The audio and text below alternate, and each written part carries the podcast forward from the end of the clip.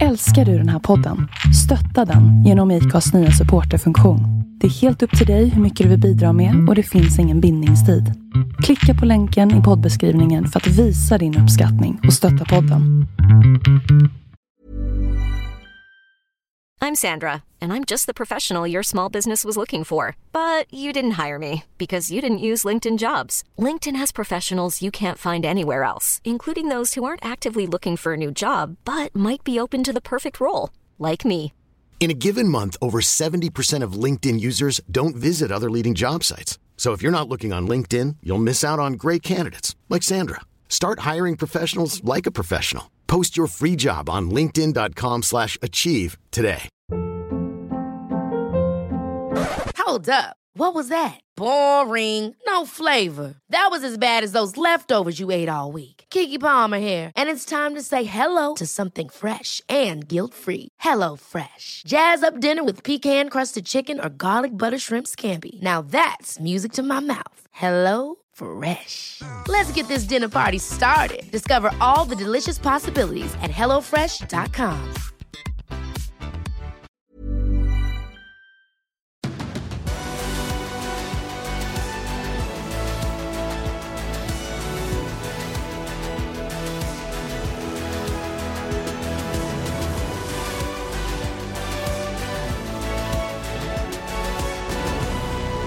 Välkommen till MotoGP-podden. Det här är eh, del två i eh, berättelsen om Andreas Mårtenssons karriär.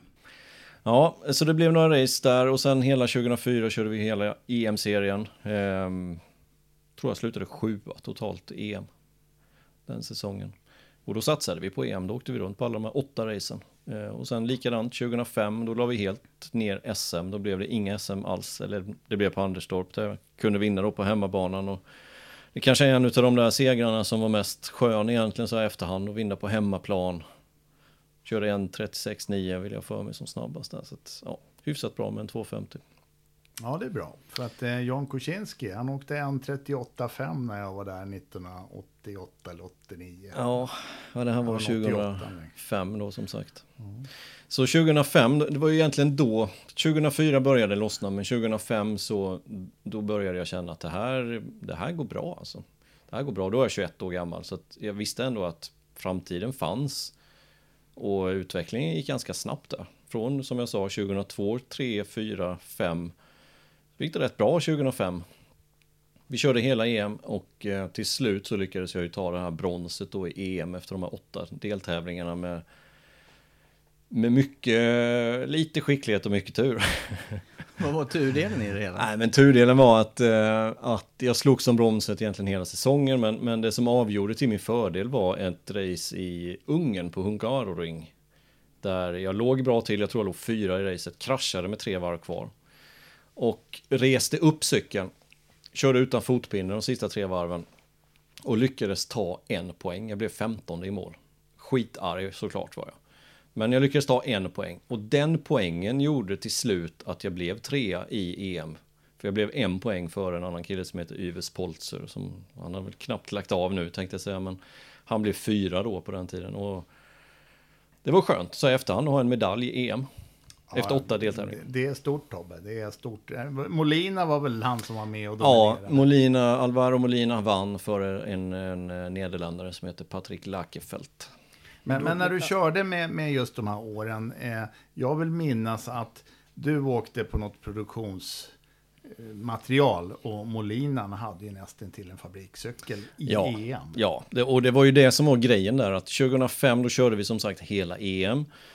Jag körde med en Yamaha TZ, då hade vi inte kvar den gamla utan då hade vi en ny till den säsongen. Eh, Molina och Lackefelt. Molina då körde ju på Aprilias värsting, RSV 250, en gammal GP-hoj som han hade köpt. Eh, Lackefelt körde på en A-kits i Honda.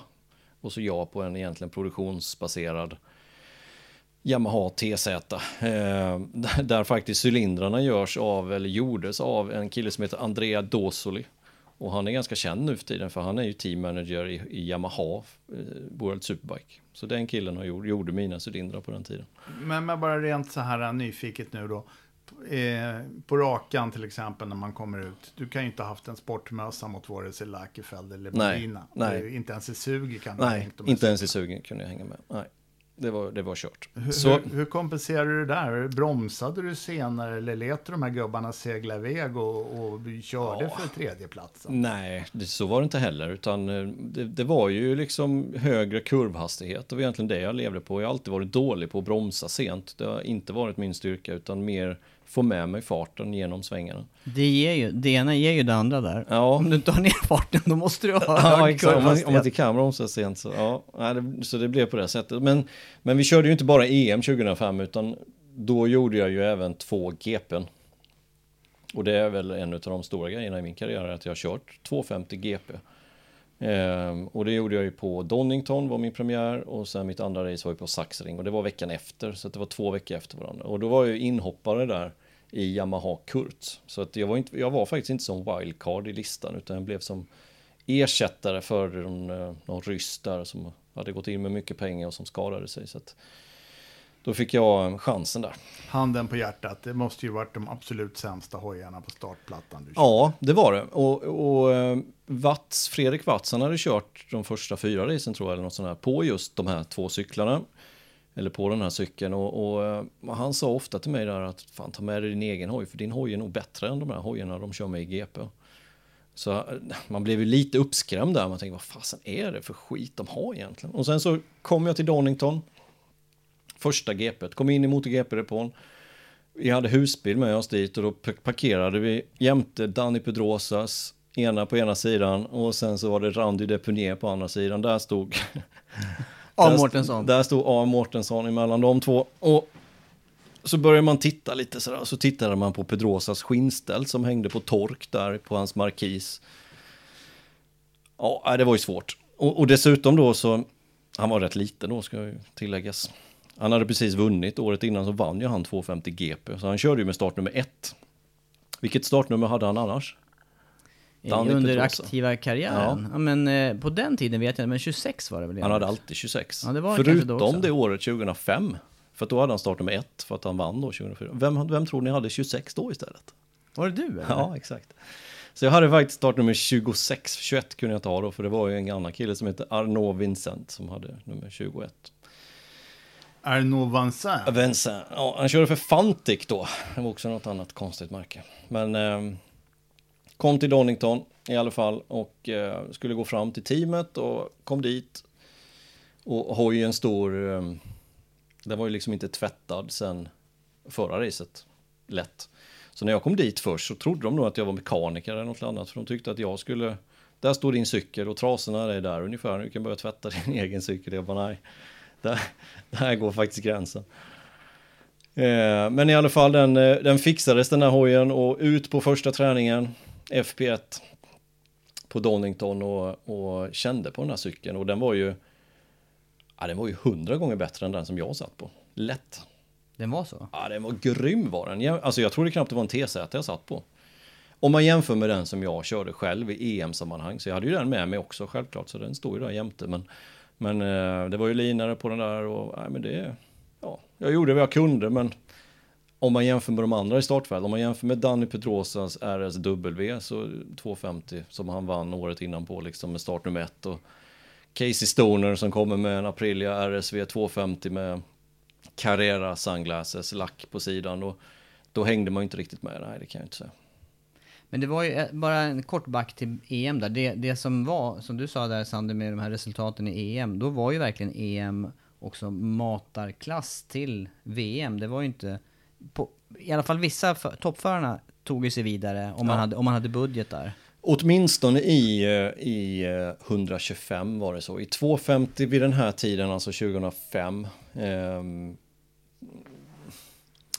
då var det inte riktigt så. Det var några år tidigare egentligen som EM var på sin topp, vill jag nog påstå. Så att, visst, konkurrensen var inte densamma när jag körde kanske då, men, men fortfarande bra såklart. Molina var ju med och körde wildcard med sin egen cykel och tog poäng och sådär. Så att det, det var inte lätt att hänga med, nej.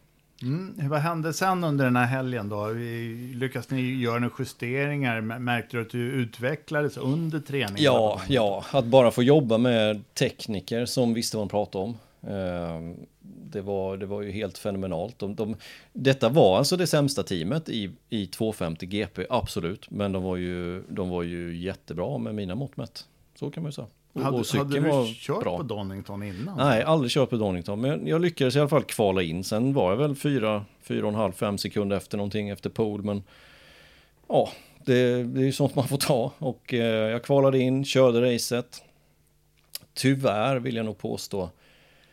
Så eh, när jag körde Donington som min teamkamrat, han kvalade inte in. Utan då blev det så att jag fick ta hans cykel istället. För den här cykeln, det var en, det var en utvecklingscykel. Eh, med en liten annan motorkonfiguration. Det var en Yamaha, men det var, det var en, en från SIL Känner du igen det namnet? Ja, det är en sån motortrimmare. Ja, från Holland eller Nederländerna tror jag. Och, och, då ville de att jag skulle köra i den motorn istället. Och då var den mycket, det var mycket mer toppeffekt i den. Och till söndagen där så började det hällregna. Det var ju verkligen Donington-väder och svinblött. Om inte jag minns fel så var det faktiskt Randy Depunier som vann. Eh, och detta var första racet för KTMs 250-satsning och Anthony kom, West blev två. Det kommer jag ihåg. Ja, och körde av dessutom ja, på gräset under racet. Ja. Mm. Eh, så det var det racet, det var svinblött var det, jag vet inte om Pedrosa blev trea kanske. Någonting. Men jag fick i alla fall den här med topp, mycket toppeffekt. Och, och det var ju helt fel i de väderförutsättningarna. Så det gick inget vidare, hojen eh, gick inte ens till slut utan den stannade på något sätt. Och sen så ville min teamchef att jag skulle in i depån och ut i depån. Och det fick man ju inte, man får inte åka ur bandepån in i maskindepån. Så till slut blev jag utesluten från det racet för att jag hade brutit mot den regeln. Så att det är lite sådär plump i protokollet, men inte mitt fel. Jag, blev, jag gjorde som jag blev beordrad, helt enkelt. Men lite kuriosa nu, det här Kurz-teamet, hur många personer var det runt dig den här helgen? Jag hade med mig min egen meck Per som var med. Eh, han var med under hela säsongen även i EM. Så att han var med och, och sen så var det tre gubbar ifrån Kurz-teamet som jobbade med min cykel. Plus då en, en eh, som hade koll på däcken och sådana saker. Mm. Och sen körde jag även Sachsenring veckan efter. Eh, och då kom jag i mål i alla fall på 21 plats. Jag tror jag blev varvad, eller jag blev varvad. Jag behöver inte säga att jag tror för att jag blev varvad. Eh, men det är ju... Men där, det, var det, där var de kull på en träning istället? ja, det var jag en kull på första träningen eller andra träningen, något liknande. Kan du berätta lite mer om det? Nej. Vem var det som gjorde att du körde omkull? Nej, det var inte faktiskt, nu vet jag vilken incident du tänker på, men det var inte det här året, det var faktiskt året efter. Okej. Okay. Så det kommer vi till, ja, 2006. Ja, okay. men, men, vi spar den. Mm. vi spar den. Ja, men det var omkull i alla fall. Ja, ja, ja exakt. Det var faktiskt omkull där mm. på Saxring när jag körde det GP. Men det var mycket svåra banor. Jag hade mycket, mycket svårare för att lära mig Saxring än vad jag hade för Donington. Så båda de banorna där var första tillfället för dig? Ja, det var det. Det var det. Båda de två banorna. Ehm, så mycket svårare. Men jag kvalade in, jag körde racet ett varv efter. Men eh, upplevelsen därifrån var ju att man ville ju tillbaka till GP. För man kände ändå, jag, jag kände ändå innerst inne att visst, jag är fyra sekunder efter. Men de här fyra sekunderna kan jag kapa.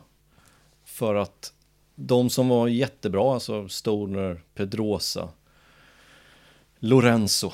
Eh, de, eh, man kände på något sätt ändå att med bättre cykel så hänger jag med de här hyfsat. Det är klart jag inte hade slått dem, det är inte det, är inte det jag säger, men, men jag hade inte varit fyra sekunder efter. Det trodde man kanske inte i början, första träningen, då, då, då var det lite surrealistiskt när man, när man blev passerad av liksom de här förarna som jag precis nämnde. Då, men, men vi har ju snackat mycket sånt där Andreas under, eh, under de år vi har känt varandra. Det här med att eh, just möjligheten, man, man ska ta möjligheten om den ges att att åka mot svårare motstånd. För de här namnen du nämner, det är ju klart, det är ju toppen, gräddan av alla förare. Men bara ha möjlighet att vara på banan samtidigt. Någonting går ju att snappa upp från sadeln och någon sektion eller någon kurva eller någon... Ja, eller, eller som du säger den här professionalismen i, eh, i teamen där med människor som vet vad de pratar om. Det är ju på något vis... Det är det som också för mig gör det roligt arbetet vi håller på med nu. Att man träffar ju de duktigaste personerna inom, sitt, inom sin del utav racing. Ja, då pratar vi även tekniker med Lins och vad det nu kan vara. Ja, visst. Ja, det, det, och det märkte man ju också att det, det är ju på en helt annan nivå. Man ska komma ihåg den här tiden också, just mitten på 2000-talet där, det var ju det var fortfarande 250 och det var så mycket som har med materialet att göra. Idag när det är motor 2, alla har likadana motorer. Alla har likadana däck. Så var det inte på den här tiden. De flesta körde Dunlop, jag tror alla körde Dunlop, men Men de bästa Dunlop-däcken, ja, de gavs ju till de bästa förarna. Och det tror fasen att de är lite bättre då än de längre bak i startfältet. Och samma sak med maskinmaterialet. En, en Fabriks Aprilia RSVW. Ja, den kanske hade 15 hästar mer än vad jag hade i min Yamaha TZ. Så det, det är ju skillnad. Så, som privatförare, då, då är man ju närmare de här toppgubbarna ifall det blir oförutsägbara eh, väderförutsättningar till exempel. Det är då vi har sett överraskningar. Typ Anthony West på Donington. Eh, det var en fabrikscykel från KTM, men den var ju inte speciellt bra i det läget.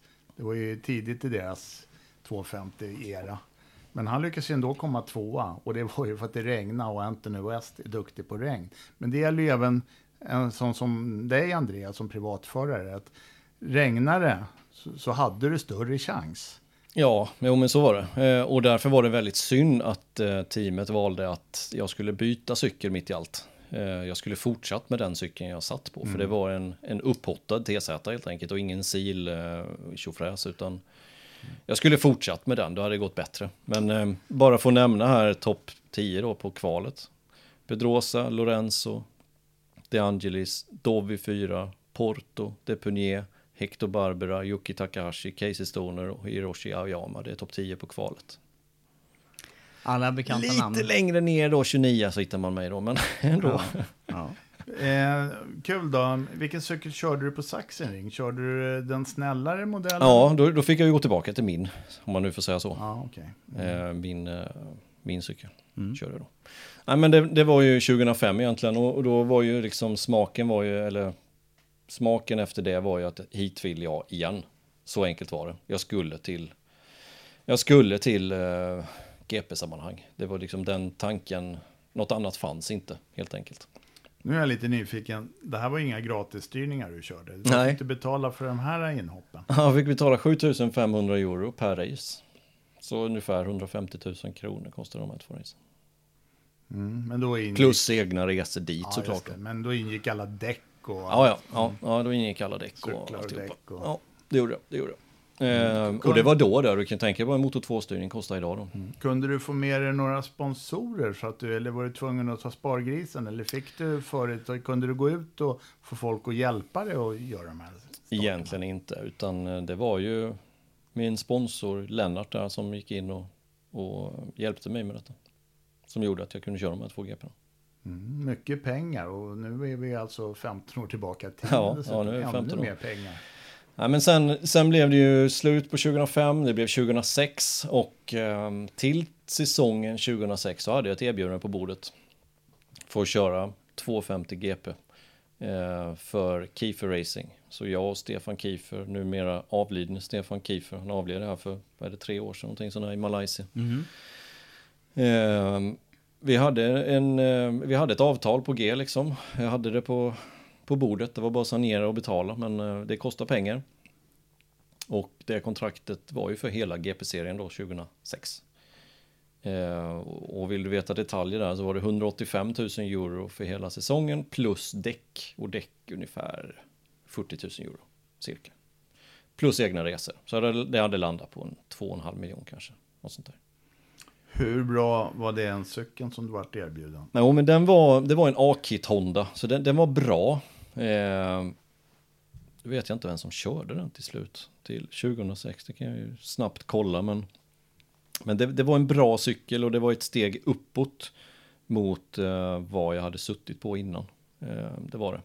Det var inte det bästa, men det var det man kunde köpa sig till helt enkelt. Men men hur lång tid hade du på dig att att skrapa ihop den här budgeten då? Eller fanns det, hade ni någon sån långsiktig plan eller dök det här erbjudandet upp eh, hastigt?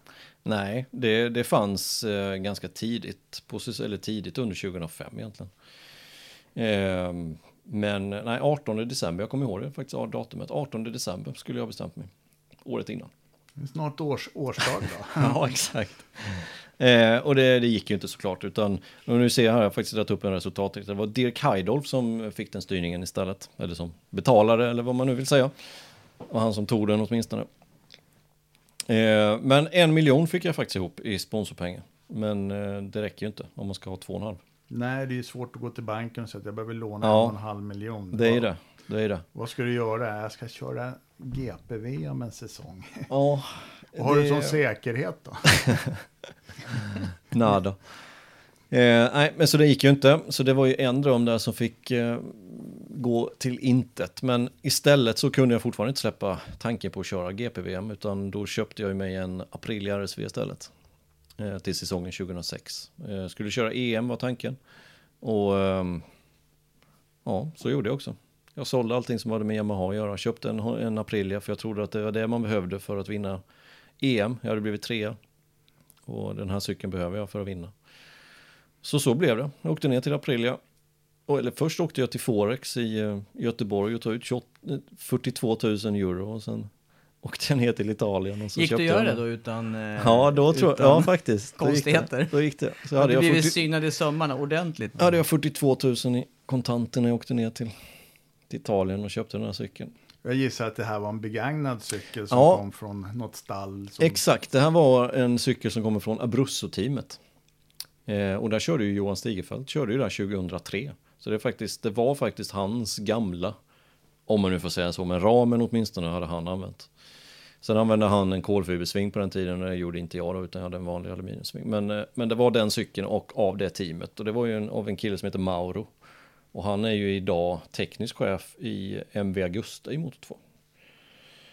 Så av han köpte jag denna cykeln med reservdelar och sen drog vi hem. Och då hade jag en Aprilia helt plötsligt.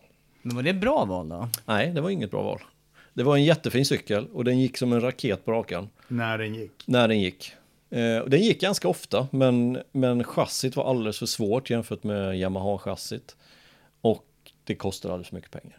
Den var alldeles för dyr. Men, men den där åt väl kolvar på ett helt annat sätt mot en japansk. eh, Den åt allting, mer än vad allting annat. Men, men det, jag gjorde, det jag lärde mig den säsongen var extremt mycket.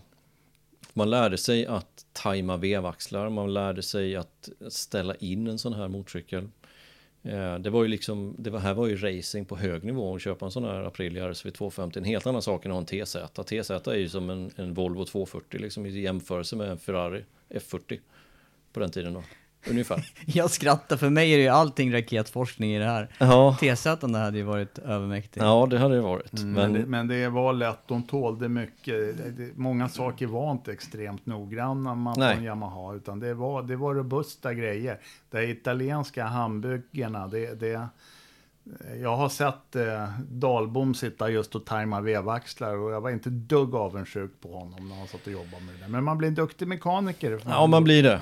Eh, och jag lärde mig extremt, extremt mycket den säsongen. Ha- Hade du någon mekaniker som Ja, Jag hade hjälpte? Per fortfarande, min mekaniker. Eh, men man lärde sig, eh, ja, som sagt, extremt mycket. Även en kille som heter Anders som hade med mig. Ehm, men det började ju med en försäsongsträning i Spanien redan tidigt 2006. Och ehm, för alla som har varit på Cartagena vet ju vad jag pratar om när man ska genom en snabb chikan i inledningen av varvet. Och där hade jag gett mig fan på att det går att hålla full gas genom den. Man kan dutta av och sen kan man vrida på fullt. Och ehm, jag vågade inte riktigt prova de första fyra dagarna, men sista dagen tänkte jag nu, nu ska det ske. Och det gjorde jag. Och flög gjorde jag. Högt och långt. Och hojen lades i samfållan med högersidan ner och på högersidan så sitter airboxen med båda förgasarna. Så den gick ju sönder. Och in kom grus. Så att det blev ju inte bara att jag förstörde massa i kraschen utan den drog även in grus hela motorn. Så någonstans runt 80 000 kostade den kraschen och då, det, det satte ju på något sätt tonen för den säsongen. Pengarna saknades helt enkelt. Men hur blev det med dig då? Kroppen? Ja, den var ju Möbelta men Men inte värre än så? den läker ihop. Ja. Det gjorde inte plånboken och redan där sattes tonen egentligen. Så att Sen körde vi, vi körde EM-premiären och hade det gått bra i EM-premiären så, så kanske vi hade hittat resten av pengarna också. Men eh, det gick bra. Jag startade tvåa. Jag låg, jag låg tvåa bakom Olina, hängde med lätt. Eh, men kraschade. Eh, och bara ett halvt varv senare så stannade Molinas cykel. Så att det där racet, om jag bara hållit mig på hjulen så hade jag vunnit det racet. Det är helt, helt fortfarande idag övertygad om. Och då hade jag vunnit mitt första EM-deltävling i första deltävling förra året och då hade det sett lite annorlunda ut sen. Men ibland är det sådär och ehm, det slutade inte bra. Jag förstår trista att du... vändpunkter, liksom trista Ja, moment. det, ja, det blev, för då hade jag både den försäsongskraschen och sen den här kraschen i första deltävlingen. Då blev det lite luft nu, så då blev det mer att då satsade vi på SM egentligen. Och sen körde jag Assen, EM. Och sen så la jag alla pengar jag hade på att lägga på ett wildcard till i GP med min egen cykel den här gången. Så då körde jag Sachsenring också, wildcard. Jag förstår att en sak som du ångrar i din karriär, det var det där att hålla fullt genom den där chikanen på Cartagena. Ja, det gick inte. det gick inte. Ja, Nej. Ja, ja. Nej, men jag körde ändå ett GP den säsongen på Sachsenring, men det var ju liksom med ekonomin väldigt i botten. Eh, och kraschade ur dessutom också. Det gick bra så länge det gick, men kraschade ur och förbättrade knappt min varvtid från året innan på den här Kurz Yamahan. Och, Nej, sånt där är inte bra för psyket Nej, heller. Nej. Man, ser ju på klockan, även ifall förutsättningarna inte är likadana. nej. kanske. Men sen, och sen satte jag på en, en mycket dyrare cykel, mycket bättre cykel, men kanske inte på Sachsenring som är så knixig. Utan där vill man ju ha chassit och det var inte riktigt lika bra chassi i Aprilian som det var i Jamman. Så, att, eh, så här i efterhand så skulle jag aldrig köpt den här Aprilian. Eh, jag skulle dels, om man ser det långt tillbaka så skulle man ju kanske eh, växlat över till någon annan motorkategori och motorcyklar redan då. Men det var det, var, det, var det där GP-kontraktet som låg på bordet som hägrade om man ville ge det en chans till. Min, min anekdot där då, nu är det dags i alla fall. Ja, nu är det där. Ja, men det var ju, du, du pratade ju om Sachsenring där och, och GPet och, och på kvalet så kom jag till, jag tror det är kurva 8 tror jag det. Och eh, eller först kom jag förbi start och mål och så ser jag att en röd cykel går ut ur depån, det ser man ju till vänster, Fortuna Aprilia. Ja. Han hade nog inte startnummer ett då va? Jag vet inte. 48 tror jag han hade i alla fall. Han heter Lorenzo i alla fall. Bekant. Jorge Lorenzo. Jag ser att han är på väg ut i depån, jag passerar och sen så dröjer det ett par varv eller något liknande. Och så kommer han då och ska köra förbi in i kurva 8 och eh, han kommer i den svängen så är det, missar man ingången, då missar man ingången, då missar man svängen. Det går liksom inte att rädda. Att, Är det på väg upp där du menar? Nu? Ja, exakt. Där han gick omkull sen några år senare på Kurpsen på insidan Ja. i Q1 eller något sånt där. Kallio gick 2015. omkull där, gjorde illa sig. Ja, exakt. Där kommer Lorenzo och han stöter väl inte riktigt i mig men, men eh, av liksom platsbrist så får jag åka rakt fram där i alla fall. Rätt ut i spenaten. och så vända tillbaka och så upp igen. Och det, det roliga med detta det är ju att när vi intervjuade Lorenzo här för ett år sedan, ett och ett halvt år sedan på Qatar, i Qatar. Då påminde jag honom om, om den här incidenten och han kommer ju givetvis inte ihåg det men vi, vi skrattade ganska gott i alla fall. Jag kommer ihåg han sa att ja, då, då gillar inte du mig. Ja, jag har inga problem med dig, sa du och skrattade. Nej, nej, nej, så var det. Nej, det var kul. Det var kul. Ja men det var mycket 250 där och GP Dröm. Men då, på något vis dog de där med Ja. eh, det här eh, Aprilia-äventyret? på Ja, de dog där. Ehm, sen fanns det... Sen, det fanns inga pengar att fortsätta. Ehm, min sponsor hade hoppat av och det var, det var inte hoppat av utan det var liksom... Sista året var 2005 så 2006 var egentligen på övertid. Det fanns ingen, eh, det fanns ingen möjlighet att fortsätta i GP2 för det är för dyrt helt enkelt. Eh, och eh, hade fått in en annan sponsor där, Cresto, som jag sen har jobbat för i många år. Och då skulle de starta upp ett team till 2007. Med Jonas Hedos då i, eh, i spetsen på Cresto tillsammans med Peter Markusen på Aprilia, eller han är återförsäljare för Aprilia, och Björn Lindblad också på Aprilia. Och, och ehm, då var det alternativet helt enkelt. Här får du en påse pengar, här får du en Aprilia RSV 1000 mille och du ska köra Pro Superbike som då hade blivit 1000 kubik hemma i Sverige tillsammans med Ja, Pro ja, Superbike. man startade ju upp Pro Superbike. Man hade ju kört eh, STCC och eh, Synsam Trophy och 600 Weidek Trophy, alltså med 600 kubikare. Men till 2007 så skulle man ta steget upp och köra 1000 kubikare, alltså det, det värsta, kungaklassen. Och ja, det trummades på rätt eh, stort inför 2007 och det var många team som dök upp. Eh, Vi var ju med bland annat med Suzuki, med Challis och du och Alexander Lund. Körde. Hur många var vi startande? Eller vi ska säga, jag körde inte, jag var bara med i teamet. Det var, Ja, men det var, det var ett 25 ungefär, 2007, 2008. Och det var de bästa förarna. Ja, det var det. Det, det var verkligen eh, bra klass på det. Så att då, då, med 2006 säsong, det fanns inga pengar att fortsätta och köra 250 jag var fortfarande bara 22 år gammal så att alltså, jag visste att möjligheten finns att köra GP men det finns inga pengar och det, det var tvunget att byta spår. Och det var det jag sa där att jag skulle kanske så i efterhand bytt spår redan 2005 efter det men då var man mitt i det liksom och sen skulle jag inte vilja ha 2006 ogjort heller för jag vann dock SM i 250 den säsongen så mitt SM-guld från 250-klassen är just från den säsongen. Ehm, Ja, och jag har lärt mig extremt mycket den säsongen. Det, det är nog den säsongen. Och kan vi peka på en säsong när jag har lärt mig mest, då är det 2006. Utan tvekan. Eh, men, men det blev en eh, för dyr säsong. Och sen lyssnade man på folk som man trodde hade kunskap, som inte hade kunskap. Men, men jag ska komma ihåg också att tvåtaktsracingen var ju på väg att dö Utför. ut. Ja. Så att det, det, det var ju helt rätt att sadla om till fyrtakt. Och, och precis som du säger, det kanske skulle ha gjort det några år tidigare till och med. Då Ja. kanske du kört Superbike-VM eller någonting. Man vet ju inte. Men det var ju som sagt inte till B-serien jag ville. Jag ville ju till nummer uno. 2007 då?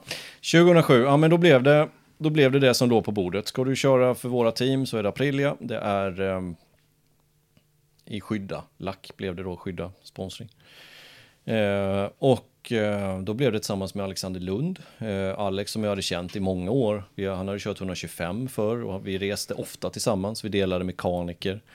Eh, så att vi kände varandra, vi kom ju från samma ställe, han kommer från Smålandsstena, jag från Gislaved, eller ja, Jönköping först, men sen bodde jag i Gislaved. Så att vi kände varandra väl sedan många, många år tillbaka. Så att då blev det ju en jäkligt rolig grej att teama upp med Alex, Aprilia, samma sponsor, samma tält, samma allt. Eh, och nu kör vi, så att det, det blev så istället.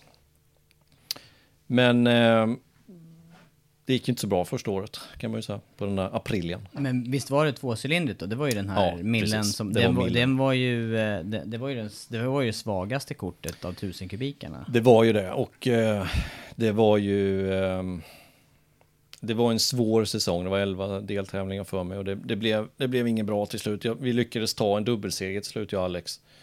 Eh, Alex som efter bara något race hoppade över Aprilian och hoppade av det och sen körde Honda istället. Eh, men jag fortsatte med min Aprilia. Eh, ja, dels hade jag inte ekonomi att byta och sen ville jag fullfölja kontraktet som man ändå hade ingått. Att det är Aprilia som gäller och då körde vi Aprilia. Men du körde om någon på rakerna med den egentligen, eller? Jag körde inte om någon på rakerna, nej.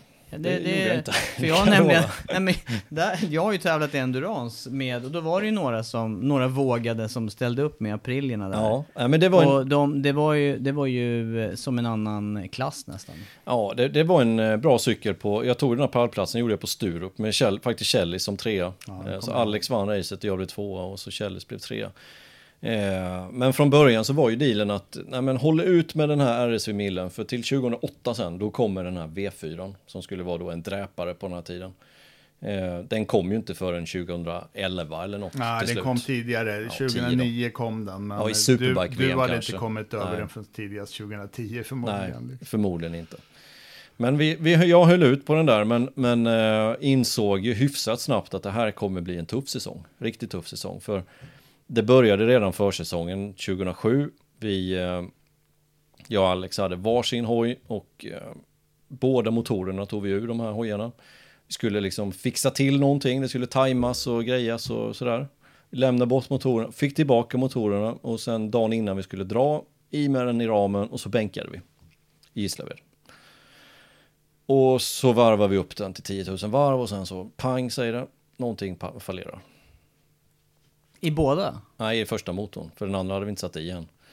Så bara, ha, okej, vad var det det här nu då? Nej, då var det någonting med tajmingen av kamaxlarna på något sätt som var fel på den motorn. Okej, yes, då vad ska vi göra nu liksom? Vi ska till Spanien imorgon. ja, då hade faktiskt Jonas Edås, då hade han en sån ståendes hemma hos sig. Eh, och eh, då fick vi hämta den, det var en gathoj, plocka ur den där motorn, i med den i en av våra ramar, som vi hade gjort allting annat för att fixa på hojarna. Så att i med den, så fick jag och Alex åka ner på en cykel istället, ner till Katargen och skulle vi köra.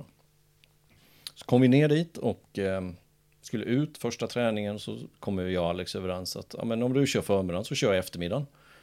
Absolut. Ut på förmiddagen och sen kör man där liksom och, och känna på grejerna. Ja, men det känns ganska bra. En sväng är bra. Det var egentligen första gången jag körde fyrtakt. Jag hade kört lite endurance med, med Humlan och Skalman, men det var allt jag hade gjort egentligen. Och Kände på den, ja men det känns bra att svänga med, det känns helt okej. Eh, gick inte att hålla fullt heller i chikanen kategorierna. Jag provade inte ens. det hade jag lärt mig, att det går inte. Eh, ja, och så kom jag in och så frågade Alex direkt, ja, hur gick den här nu? För vi hade alltid haft den här farhågan att den har för lite effekt. Ja, bara hur, hur gick det? Ja, men jag tycker ändå den gick rätt bra ändå, för jag hängde med faktiskt en cykel på rakan i slippen. Jag kunde inte köra förbi, men jag kunde ändå hålla mig i slipstreamingen på den här cykeln. Jag tänkte, fasen, det är rätt okej ändå. Ut igen, ja, jag, och sen kör några varv. Ja, jag, jag hänger faktiskt med i slippen. Det, det är ju inte så dåligt som vi trodde. För vi trodde ju att det här är ju, de har ju 40 hästar mer än vad vi har. Ja, och sen sa jag det till Alex och Alex bara, men är du säker på att det här kan stämma? Och jag bara, men jag- vi- vi går bort och kollar på vad det är för cykel då, så ser vi. Så kom vi bort dit, ja då var det en 600. Mörker, ridå ner. Ridå ner. Eh, då kände både jag och Alex att det här, det här blir eh, tufft alltså. Det här blir riktigt tufft. Och det var, det, det var eran preppade hoj ni var ute med då? Nej, det var ju visserligen då med Cedos motor. Men, eh, Men ändå, 1000 mot 600. ja, vi kände att det här, det här, blir, det här blir tungt. Och eh, Alex fortsatte väl några race och sen så bytte han eh, till Honda.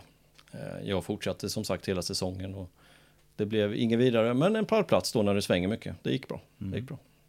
Men sen då, då blev, det, då blev du kvar med, med Superbike-körning där eh, ett antal år ihop med Pro Superbike. Ja, och sen blev jag ju kvar där egentligen tills jag slutade. Så 8, 9, 10, 11, 12, 13 eh, körde jag ju Pro Superbike. Och 8 så var det ju med eh, Tools, Honda. Mm, och då kan vi ju komma ihåg att det var en ny Honda som presenterades Mm. 2008 som var riktigt bra. Så. Ja, den var riktigt bra. Och sen så en annan grej, eh, det dök ju upp en rätt eh, känd förare också i STCC-sammanhang. Han körde Carrera Cup, Kronprinsen dök upp. Och helt plötsligt var det ett himla mediapådrag med tv-sändningar i SVT. Och ja, det har varit mycket runt eh, Pro Superbike och STCC-serien det året. Och ett bra startfält var det också. Ja, det, det var bra. Det var ju en helt ny värld som öppnades för mig det här med, jag, jag hade alltid fnyst lite åt den här synsam trophy liksom. Det är VM på hemmaplan medan jag själv hade velat köra VM på riktiga VM. Men sen när man väl kom dit och bara vad är detta för någonting? Ja men det här är ju, det är 20 000 på läktaren och det, det är ju pengar i överflöd och det är ju snyggt och prydligt och det är det ena med det tredje så det var hur bra som helst. Och det är det jag säger att så här i efterhand så skulle man ju hoppat på det tåget. Man skulle gett upp GP-drömmen tidigare och hoppat på det här. Precis som Jimmy Lindström gjorde. För han körde ju SM i Superbike 2006 samtidigt som jag blev svensk mästare i 250. Då körde han Superbike och det gjorde han enbart för att vara väl förberedd när det blev 1000 i STCC sen. Så han dominerade ju fullständigt 20, 2007. Helt överlägsen. Ehm, och så skulle man ju kanske ha gjort i efterhand. Men, men det, var, det var riktigt bra. Det var just på 2008, om vi går vidare till den, då bytte jag ifrån Aprilia till Honda istället. Och blev en av fyra förare för Honda Sverige tillsammans med Alex också. Så att vi, vi fortsatte i samma team, hade Tools sponsring. Och ehm, riktigt kul säsong, förutom att jag bröt skulderbladet i mitten. Då. Var rätt oslagbar i Knutstorp. Ja, Knutstorp var en, eh, det var den gången jag prickade 100% rätt den säsongen. Eh, Vann där, hade både pole och, och vann racet till slut och var, ja, som du säger, ganska ostoppbar faktiskt. Men hade du inga fortsatta på något vis drömmar ändå då om internationell eh, racing? Nej. Jo, det hade man ju alltid, men man måste ju, i så, om man ska komma någonstans internationellt, då måste man ju börja med att vara snabbast där man är. Och det var jag inte. 2008 var jag inte snabbare. Jag, var, jag vann något race, men jag var inte den snabbaste. Eh, och då kände jag väl att om det nu finns några som är snabbare så lär inte jag kunna få ihop de pengarna som behövs för att köra supersport eller vad man nu vill köra istället. Naturligt. Men jag vet att du varvar lite spanska mästerskap ändå. Så var det väl? Ja, det gjorde man ju. 2008 körde vi faktiskt några spanska i slutet av året. Det var ju mer för att avsluta säsongen på ett roligt sätt i princip. Så inga andra ambitioner där? Och... Alltså ambitioner fanns ju alltid, men, men nu kommer man tillbaka till det där med pengar. Eh, mina sponsorer som jag hade under den tiden, de ville ju synas i Sverige. De hade ju ingen, de hade ju ingen mening att synas i något annat land. Utan det var ju liksom i Sverige de ville synas. Men så säger du här ju att du lär dig massa grejer på vägen och du eh, driver ju mycket av den här 250 satsningen eller själva genomförandet får ju du vara den som styr över under den tiden.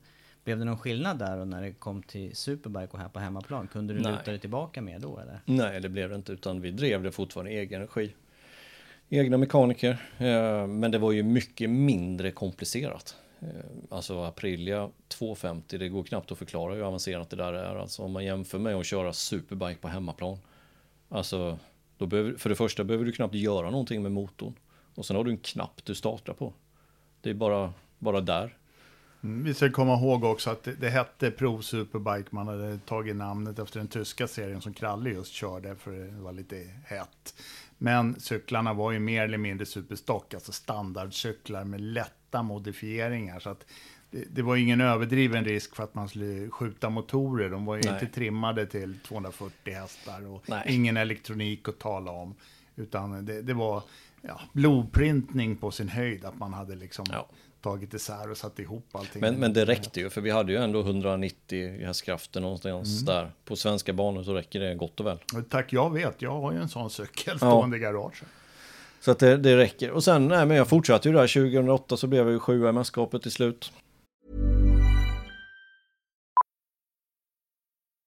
Millions of people have lost weight with personalized plans from Noom, like Evan, who can't stand salads and still lost 50 pounds. Salads, generally, for most people, are the easy button, right? For me, that wasn't an option. I never really was a salad guy. That's just not who I am. But Noom worked for me. Get your personalized plan today at Noom.com. Real Noom user compensated to provide their story. In four weeks, the typical Noom user can expect to lose one to two pounds per week. Individual results may vary. Hiring for your small business? If you're not looking for professionals on LinkedIn, you're looking in the wrong place. That's like looking for your car keys in a fish tank. LinkedIn helps you hire professionals you can't find anywhere else, even those who aren't actively searching for a new job but might be open to the perfect role. In a given month, over 70% of LinkedIn users don't even visit other leading job sites. So start looking in the right place. With LinkedIn, you can hire professionals like a professional. Post your free job on linkedin.com slash achieve today. Hold up. What was that? Boring. No flavor. That was as bad as those leftovers you ate all week. Kiki Palmer here, and it's time to say hello to something fresh and guilt-free. Hello Fresh. Jazz up dinner with pecan-crusted chicken or garlic butter shrimp scampi. Now that's music to my mouth. Hello Fresh. Let's get this dinner party started. Discover all the delicious possibilities at hellofresh.com. Fortsatt eh, 2009 och ja, det blev ju lite bättre. Jag slutade ju delad trea där, men det blev ju fyra mästerskapet för Freddy Pappinen hade ju en seger mer än vad jag hade. Så att eh, även fast vi kom på samma poäng så var det han som knep bromset och jag blev fyra.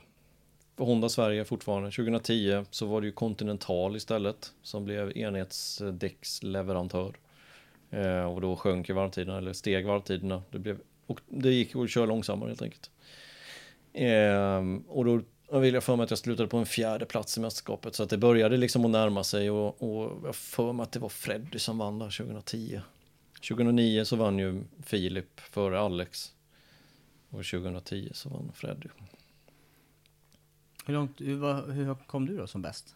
Jag vann ju något race varje säsong egentligen. Nio vann ju också några race, eller något race. Eh, och några pallplatser. Och sen även så 2010 lyckades jag nog aldrig vinna något race. Men, men var i toppen i alla fall.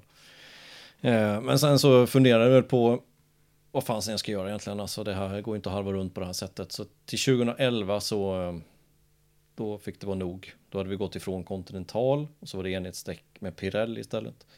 Eh, och det var liksom, nu, nu får vi ta ett omtag på det här om det här ska bli någonting. Så att då brukade jag mer allvar, hade bättre hjälp i depån och eh, lite bättre budget och sådär. Och, ja, då, då gick det bättre också. Då slutade jag ju tvåa i mästerskapet efter Filip och jag kommer inte ihåg hur många poäng det var, men jag tror bara det var en 18 poäng efter eller något liknande. Men Filip var snabbare än vad jag var hela säsongen egentligen. Jag tog någon seger här och var, men rådde inte riktigt på honom. Men han gjorde lite misstag och det gjorde inte jag på det sättet. Och det här är Filip Backlund. Filip Backlund, ja. ja.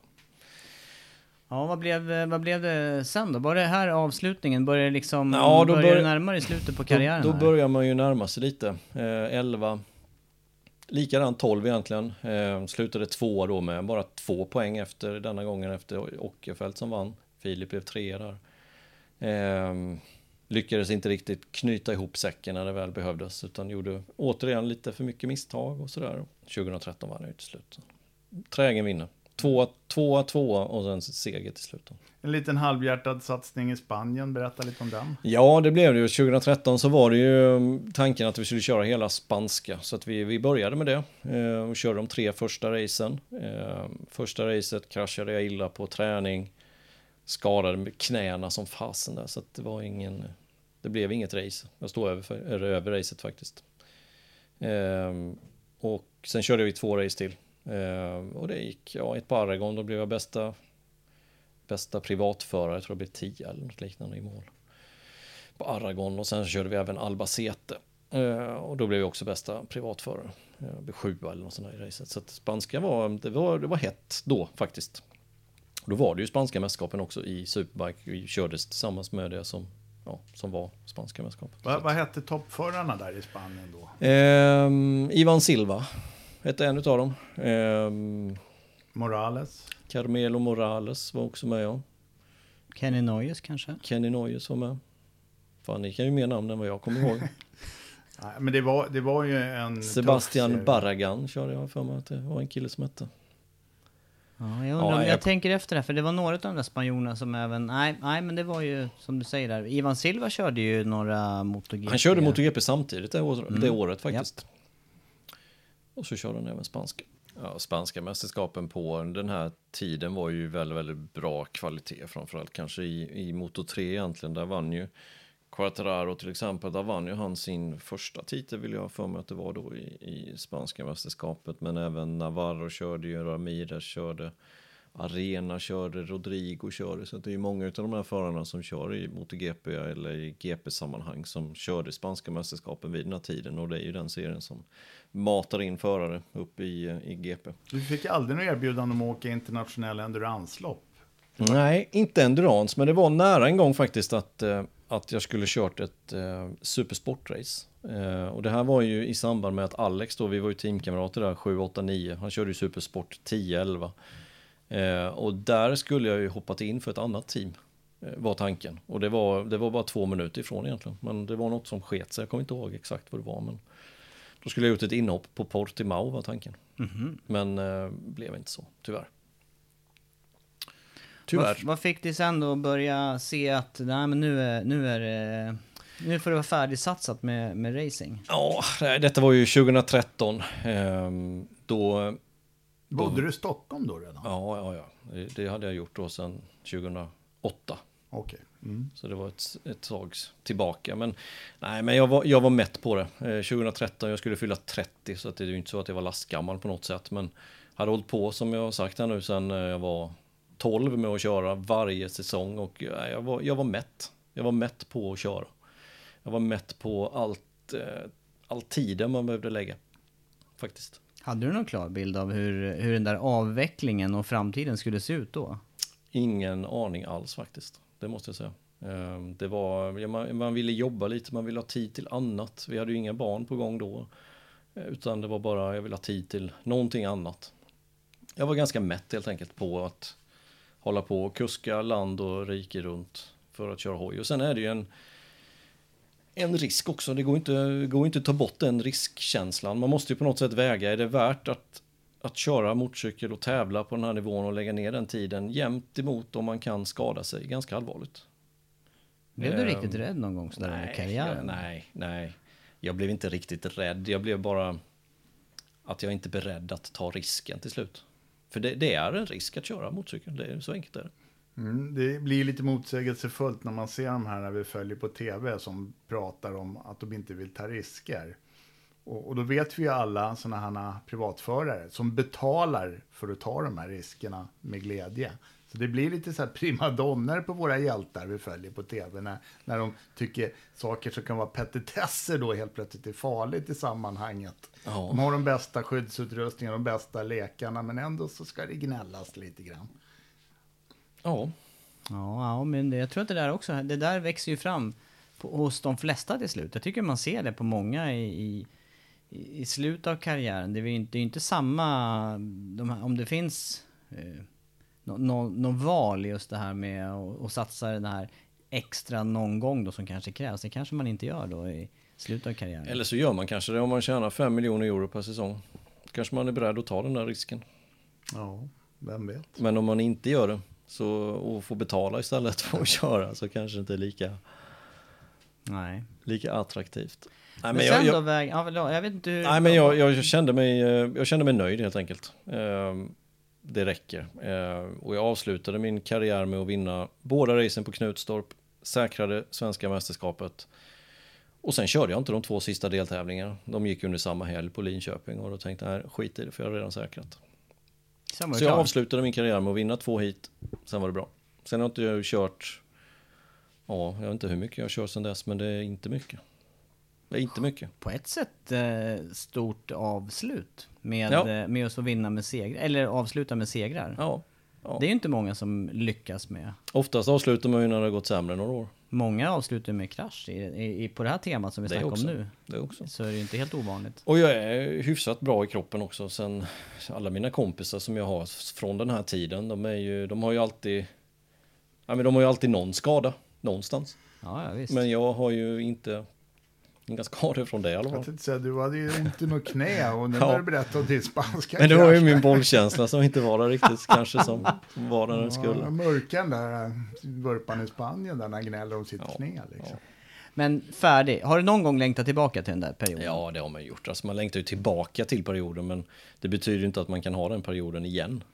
Men man, det är klart att 20 bast åka Europa runt i en husbil och leva loppan, det är klart att man saknar det ibland. Ja, det lustiga är att nu när du inte är så här dösugen så har du ju en stående inbjudan från ITS med Martin Rovanovski och komma och köra när du vill. Kanske skulle göra comeback.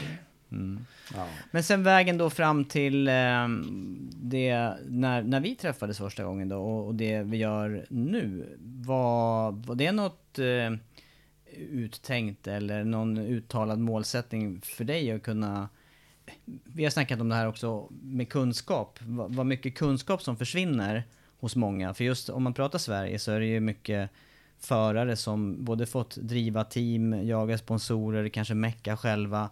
Och när man väl har slut på energi och motivation, då försvinner all den här kunskapen då. Men hade du någon tanke om att kunna göra någonting av det här som du lärt dig under alla år eh, efteråt?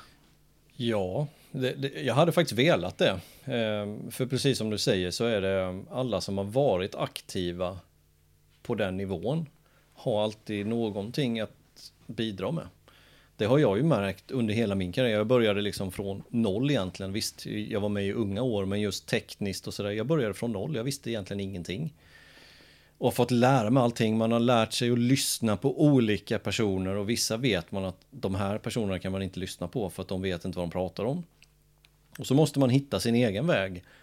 Och de som börjar idag, de har ju samma väg att gå. För att det är ju lite problemet med svensk motorsport. Att, att erfarenheten stannar med den som lägger av på något sätt. För att det finns inte ekonomi, det finns inte vilja att föra den vidare så att säga. Och, och det är lite synd det, för det, det finns jättemånga för, svenska förare som har varit på hög nivå, som har jättemycket att bidra med till unga förare idag. Men som sagt, den informationen stannar på något sätt hos de enskilda. Det har väl både med ekonomi och med... Eh, alltså, jag tänker så här, i, många sporter, om man säger eh, föreningar där, eh, där det finns mer lokal anknytning, där, där finns det ju mycket ideella krafter fortfarande, men även där börjar det ju tunnas ur den här, de här ideella insatserna. Och det, det här är ju en sport, det vi snackar om, det har ju ändå, som vi är inne på, kostat många kronor, hundratusentals, miljontals kronor innan. Ja, På något alltså vis det ju- måste det finnas någon payback. Ja, ja men visst, alltså det, jag har ju bränt åttasiffrigt belopp, alltså, alltså säkert 10 miljoner genom min karriär. Så det, det är klart att det har kostat mycket pengar. Ska vi blicka vidare framåt efter att du hade lagt eh, hjälmen på hyllan? Ja, ja exakt. Och, och, ehm, Berätta lite grann, du jobbar ju med speciella saker också. Förutom kommentering då, så... Ja, exakt. Nej, men eh, mer eller mindre när jag körde 250 och även en del upp i Supag också så var jag ju egentligen heltidsproffs på det här om man nu får säga så. Men jag jobbade inte speciellt mycket utan jag jobbade lite åt Crestorna där jag blev en sponsor år 2006 och sen, sen blev det mer och mer där och de höll ju på med fallskydd och höghöjdsarbete och då blev det inom vindkraft och, och utbilda folk till exempel. Då. att vara i ett vindkraft och höghöjdsarbete, framförallt med selar och olika saker. Du innehar ju någon auktorisation för just den typen av utbildningar också. Ja, ja exakt. Och, och, för mig är det ju imponerande att eh, Andreas har utbildningar runt om hela Europa. Och alltså, man ska ju kunna nödutrymma ett vindkraftverk och det är just det du lär ut. Så att eh, på 120 meters höjd öppna lucka i golvet och fira sig hela vägen ner till marken, det, det, det är manligt. Ja, det är bra. Jag har ju aldrig fattat att det är personal i de där. Nej, det är det Vem ska nödutrymma, Nej, vem? tänker jag. Nej. Nej, nej, men, så det är det jag håller på men med. det är mycket service på de där. Det är mycket service, ja. Ja. Och det är ju inte bara vindkraftverk, det är ju, det är ju allt möjligt som jag håller på med. Allting som har med fallskydd att göra. Där man behöver använda sele, höghöjdsarbete. Så att är det någon som behöver hjälp med det så vet ni vem ni ska ringa. Eh, Vi får väl hänga med någon gång och prova att åka ner på linan där från 120 meter ner till marken. Och se om du vågar. Eller inte. Nej, eller inte nej. Nej men det var egentligen, eh, jag höll ju på med det samtidigt och sen blev det mer jobb, lite mindre racing och sen har jag ju känt dig Sandu i, i herrans massa år och, och tjatat på dig varje gång, senaste 15 åren i alla fall, så har jag tjatat på Sandu att behöver ni någon gästkommentator så ringer ni mig. Och då tänkte Sandy på den här språk... Eh, sp- han som spruta ord ur sig när han träffade Ja när, exakt, När, när jag var liten, tyst eller? där 94. Nej, han ska vi inte ha med. Nej, men snarare så att eh, jag hade nog inte riktigt koll på att du bodde i Stockholm. Så det. För att eh, jag har ju jobbat, eh, jag vet inte vad ni vet, de flesta vet väl det, men jag kommenterade Superbike på Eurosport 1999 första gången. Och vi har ju haft olika kollegor med in för att det har fallit ifrån folk och, och det har blivit mer sändningar, det blev mer sändningar. Nu visar man ju knappt någonting där med motorsport, med motorcyklar kommenterat. Men eh, Andreas frågade faktiskt ifall, eh, kan inte jag få komma in och vara med och kommentera? Och vi behövde folk då, och det var mycket helt enkelt. Och eh, han hade ju erfarenheten just av fyrtaktsracing och kört själv. Och mm, gjorde det där väldigt bra faktiskt. Så att, eh, ja, du vart ju en i Eurosport-teamet. Jag vet inte när du kommenterade första gången där. Kommenterade 14, 15 och 16. Så det var ju direkt efter att jag hade själv lagt av där. Eh, det blev inte så många race per säsong, men några stycken i alla fall. Super-QM. Eh, och eh, ja, tyckte det var kul och, och ville ju såklart vidare. Men det var ju fullt, det visste jag ju.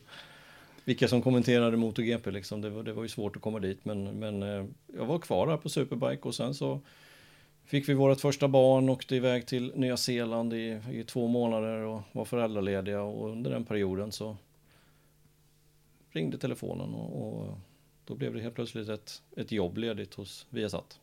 De headhuntade helt enkelt dig. Vet, du hur det där gick till? Varför fick de upp ögonen för dig? Hade någon lyssnat på dina sändningar tror du? Ingen aning faktiskt, men, men så blev det till slut. Och från 2017 då så, så fick jag ju lära känna Tobias helt plötsligt, hipp som happ, på ett plan på väg till Qatar och sen så började vi kommentera. Ja, jag kan säga att jag hade inget finger med i det där spelet för att det, vi hade som sagt var inte ens, våra vägar konstigt nog har ju aldrig korsats innan. Så att, det är mycket eh, märkligt egentligen. Men, Det är mycket märkligt, det är inte Ja. så stor värld här. Nej, men det var ju lite roligt för Andreas var ju som sagt var på Nya Zeeland och sen var han ju faktiskt på Phillip Island och hade eh, lyckats komma in i depån efter mycket om och men. Eurosport skulle ju ha krediterat honom och hade slarvat med det. Men, och, och var ju med live under den första, första deltävlingen gick ju då på våren från Phillip Island i slutet av februari. Och du var ju faktiskt med i depån i våran sändning. Jag och Peter Äpplet Dahlbom kommenterade från Sundbyberg och du var med i sändningen. Och sen när du kom hem så berättade du faktiskt att eh, Viasat hade ringt och pratat med dig och erbjuder dig det här jobbet. Och undrar vem Tobias Lion var. Ja. det, det visste ju jag då liksom lite grann. Men Jag hade ju lyssnat på honom också i herrans massa år. Jo. Ja, jag måste ju säga det att eh, det vart ju väldigt hastigt och lustigt där, men Men du Andreas, det där med eh, eh, MotoGP-kommentering och eh, hade du några tveksamheter inför att nappa på idén där? Nej, absolut inte. Ehm, det var det inte. Det min, först, min största farhåga var egentligen vad Sandro skulle säga när jag hoppade av det jobbet han hade fixat till mig. För det var ju, som jag sa innan, det var ju trots allt Sandy som fixade in mig på Eurosport från första början. Ehm, och jag visste att han ville jobba lite mindre och hade räknat med mig där 2017. Så att det, var väl, det var väl egentligen det. Men när det var grönt sen var det inga det var inga tveksamheter. Ja, men det var inga större problem. Vi ringde ju Filip Backlund liksom. Kunde vi inte få den bästa, då får vi väl ta den näst bästa Ja. helt enkelt. Det är bra. Ja, Jag tyckte det var intressant i alla fall. Det var spännande med eh, ny eh, person och jag visste vä- väldigt lite om dig. Och eh, tänkte att det här blir spännande att åka till Qatar direkt med ny person och lära känna. Jag vet inte, det, det jag inte hade räknat med det var att du skulle sova 17 timmar om dygnet på den här resan. Det var ju inte så mycket tid, och, var inte mycket tid att, att surra tillsammans. Nej, jag var rätt trött på den tiden. Jo, men Det var din trötta nybliven period. förälder, Ja. var det. Mm. Och det var ju inte helt enkelt. Hon sov ju inte på nätterna, din dotter då. Så att, eh, Nej, hon, hade, hon tyckte det var tråkigt att sova på nätterna. Så att jag, var, jag var sliten. Får Men, men vad var dina intryck där då från eh, inledande resan? Nej, men det, var, det var svårt faktiskt att komma in i det här. Ehm, Jag hade följt MotoGP sedan jag själv körde och långt, långt, långt innan det också. Så jag, jag visste att jag hade kunskapen. Men sen gäller det att få ut det i ord också. Och det är inte så lätt alla gånger. Ehm, och ehm, det var egentligen det som jag hade störst problem med tycker jag. Men, Sen ska vi komma ihåg också att Viasat hade ju ett helt annat upplägg. Jag menar på Eurosport gjorde vi ju radio. Vi befann ju sig aldrig i bild till exempel. Nej, och det var ju också, visst, jag har ju, jag har ju blivit intervjuad ja, otaliga gånger. Men det är en annan sak att försöka få fram någon typ av information till tittaren, inte bara svar på frågor. Så att det blir ju ofta det när du och jag står och det är du som ställer frågorna och jag svarar. Men du, det är intressant också hur, eh, jag, jag tänkte på det efteråt där. Det, det var ju tur, för mig var det ju, kändes det ju ändå lugnt för att eh, jag, jag märkte att du kunde mycket snabbt. Eh, och och då, då var det ju, för min del kände jag att ja, men du får ju prata när, när, det, när det faller sig så helt enkelt. Men eh, den här... Det var inte så ofta. Nej, i början var det inte så ofta, men där har, där har det ju blivit otrolig utveckling. Jag tycker det är riktigt roligt. Nu, titta här, nu har du snackat ett helt program här ju. Ja. En hel podd. Det är inte så svårt när man pratar om sig själv. Det, det kan man ju å andra sidan. Ja, men det, Eh, det, nej, är en, men en det- stor utveckling tycker jag. Ja, nej men det, det, var, eh, det var lite speciellt att börja men eh, som sagt Nästa år är det femte året nu och ja, jag är taggad, mer taggad än någonsin måste jag säga faktiskt på nästa säsong. Och, och sen är det ju när man följer varje race, det kanske jag inte gjorde innan jag såg alla race, men nu följer man ju allt hela tiden och man har bra connection med folk i depån och olika journalister och förare så att nu får man ju på något sätt mer information så att nu vet man ju lite mer vad det handlar om på något sätt också. Men är inte det lite grann som, det här är ju nästan så att man sluter cirkeln där, jag tänker utvecklingsmässigt också, för det är ju, du snackade om tidigare där att det, går ju, det står ju aldrig stilla med utvecklingen på hojar och när man håller på i racingverksamheten. Det här är ju fortfarande inom det området och vi måste ju fortsätta och lära oss och det sker nya saker. Det, det för, mig är det, för mig är ju det ett av de en av de roligare delarna i det här arbetet. Kommenteringen är ju Ja, absolut. att man lämnar ju inte sporten. Jag menar, den adrenalinkicken att stå på startlinjen när man själv tävlar, den följde ju med innan man var ny på kommenteringen, när man satt och väntade på nedräkningen till starten av programmet man skulle kommentera. Då stod ju håren på armarna precis som inför en start. Eh, med rutinen så är man ju lugnare, men, men det var ju rätt häftig känsla ändå. Och det finns ju tråkigare jobb än att kommentera motorcykelsport. Ja, det gör det. Finns det några likheter med det, med det andra du gör? Eh, ja, men utbildning inför och prata inför folk och sådär. Det, är- det är väl den likheten. Möjligtvis. Men, men i övrigt gör det inte det. Det gör ju för dig också som är lärare. Så det, är ju, det är ju samma sak där. Så att, Det, det finns fl- fler likheter än skillnader ja, faktiskt. nej, men det, det är ju så. Eh, och, och sen är det... Man känner ändå igen sig i förarna. Jag tycker det är egentligen min starka sida med att förstå hur det fungerar. Det är hur förarna tänker. Och hur de agerar och varför de agerar på ett visst sätt. För man har själv varit där. Man vet på något sätt innerst inne vad de tänker och liksom hur de agerar och varför och så här. Och vad det finns för svårigheter med att vara på den nivån. Även fast jag bara körde tre race så, så körde jag ändå mästerskap och ja, man, man är ändå inne i det. Vilka styrkor och svagheter hos dig själv då vill du lyfta? Om man, det kan vara aktuella eller eh, bakåt i karriären också. Ja, eh, nej men en, en svaghet är ju eh, som jag skulle gjort bättre. Om jag nu får se tillbaka. Eh, så är det där med mental träning faktiskt. Jag gjorde det ett par gånger inför mitt första GP. Och det är någonting som jag skulle fortsatt med faktiskt. Och vad i det mentala går att peka på i en Nej, alltid, delar då? jag har alltid varit, många ser mig ofta som lite sur och lite bitter och sådär. Men det har alltid varit för att jag hatar att förlora, det är det värsta jag vet. Och det spelar ingen roll om jag blir tvåa och har gjort mitt livsrace. Så har jag förlorat, jag hatar att förlora. Jag hatar att förlora i tv-spel. Jag hatar att förlora mot min dotter som är fyra år i Fia med knuff. Det händer inte. Normalt. Och- och- jag kommer ihåg att man, att man lägger sig för sina barn för de ska få känna lite glädje. Ja, precis. Men, kör det, det, tar, det, tar ju emot liksom att göra det. Och där skulle man ju tränat mer på det. Att leva lite mer i nuet och vara lite mer glad när det väl sker olika saker. Men sen, sen har jag någon, någonting sig emot mig själv där för att blir man inte riktigt förbannad när man inte vinner, då har man inte riktigt den här glöden för att vinna heller. Så att det är en svår balansgång och den balansgången skulle jag behövt lära mig lite bättre. Har du lärt dig någonting efter av det då? Eller har du lärt dig nu? Kan du ta det på annat sätt idag? Nu tävlar du inte på den nivån, men med, med motgångar eller förluster? Eller svårigheter? Nej, jag, jag tror jag fortfarande har lika svårt med det. Faktiskt. Mm. Och det, det finns saker, jag gick igenom lite resultat här nu liksom för någon vecka sedan. Och det finns vissa, resultatlistor när jag ser dem än idag som jag blir förbannad på. Liksom. Alltså, vad fasen gjorde jag så här för? Ja, så kan jag också känna faktiskt. Eh, vi måste utveckla det här lite grann. Och, eh, du har ju inte helt släppt eh, motorsportaktiviteter. Det står till exempel en go-kart lutad mot väggen här. Jag vet att du har radiostyrd bil som du har kört lite organiserade träningstävlingar med. Berätta lite grann om den delen. Av Ja, nej, men jag, jag körde faktiskt lite kart. När jag la ner racingen så, eh, så var jag trött på att köra roadracing. Och det kände jag redan under min sista säsong 2013. Att det var nästan roligare att åka på kartbanan på Karlskoga med grabbarna på kvällen än vad det var att köra tävling dagen efter på Karlskoga. Alltså, lite så var det. Och då kände jag, men fasen jag köper en kart och så kör jag det lite. Och det gjorde jag. Eh, gick hyfsat men jag var ju för dålig. Det var ju det. Jag var, jag, och, och det är någonting som har genomsyrat min racingkarriär också. Att jag har inte kört just motorcykel för att jag tycker det är så himla kul att köra just motorcykel.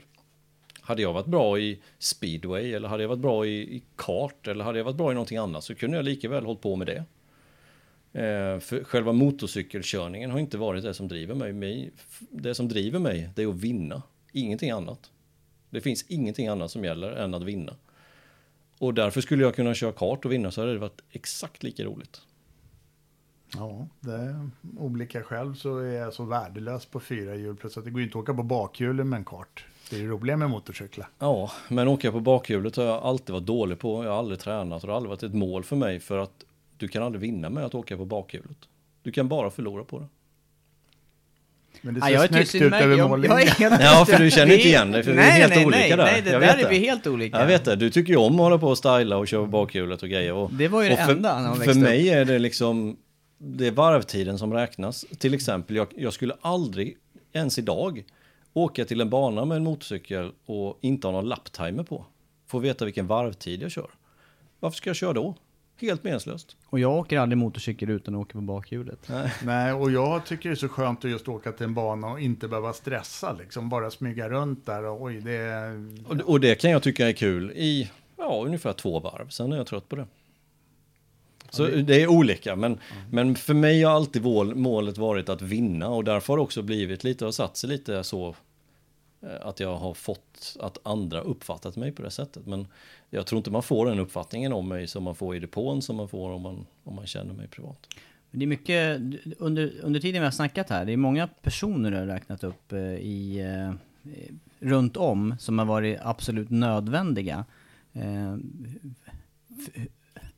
vad har de haft för del i Ja. det här, i, dels i karriären och, och och för dig som person?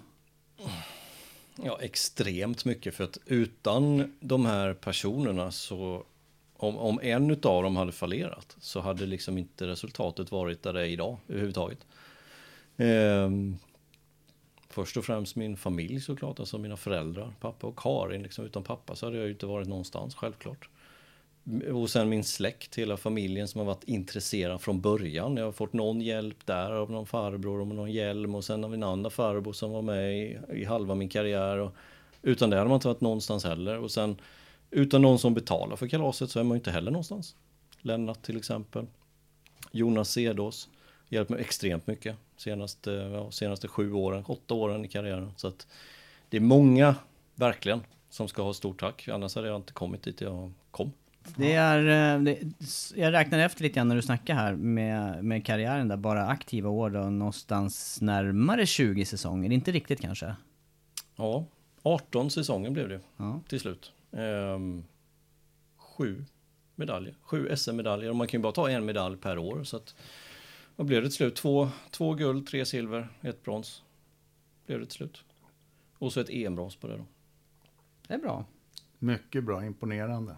Det blir en lång podd. Det är dags Ja, att börja ja. runda av den här podden. Och eh, nästa podd, då ska vi faktiskt ta en djupdykning och, på Tobias Lion. I samma anda som ni har fått eh, träffa Andreas Mårtensson. Och eh, givetvis eh, måste vi tacka alla som stöttar grabbarnas MotoGP-podd.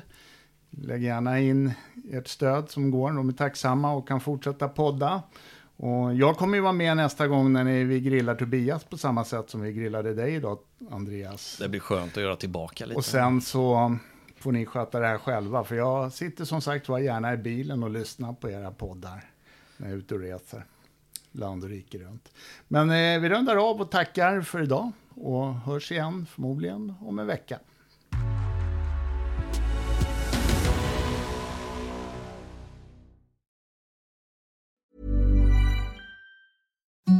Imagine the softest sheets you've ever felt. Now imagine them getting even softer over time. That's what you'll feel with Bowl and Branch's organic cotton sheets. In a recent customer survey, 96% replied that Bowl and Branch sheets get softer with every wash. Start getting your best night's sleep in these sheets that get softer and softer for years to come. Try their sheets with a 30-night guarantee. Plus, get 15% off your first order at bowlandbranch.com. Code BUTTERY. Exclusions apply. See site for details.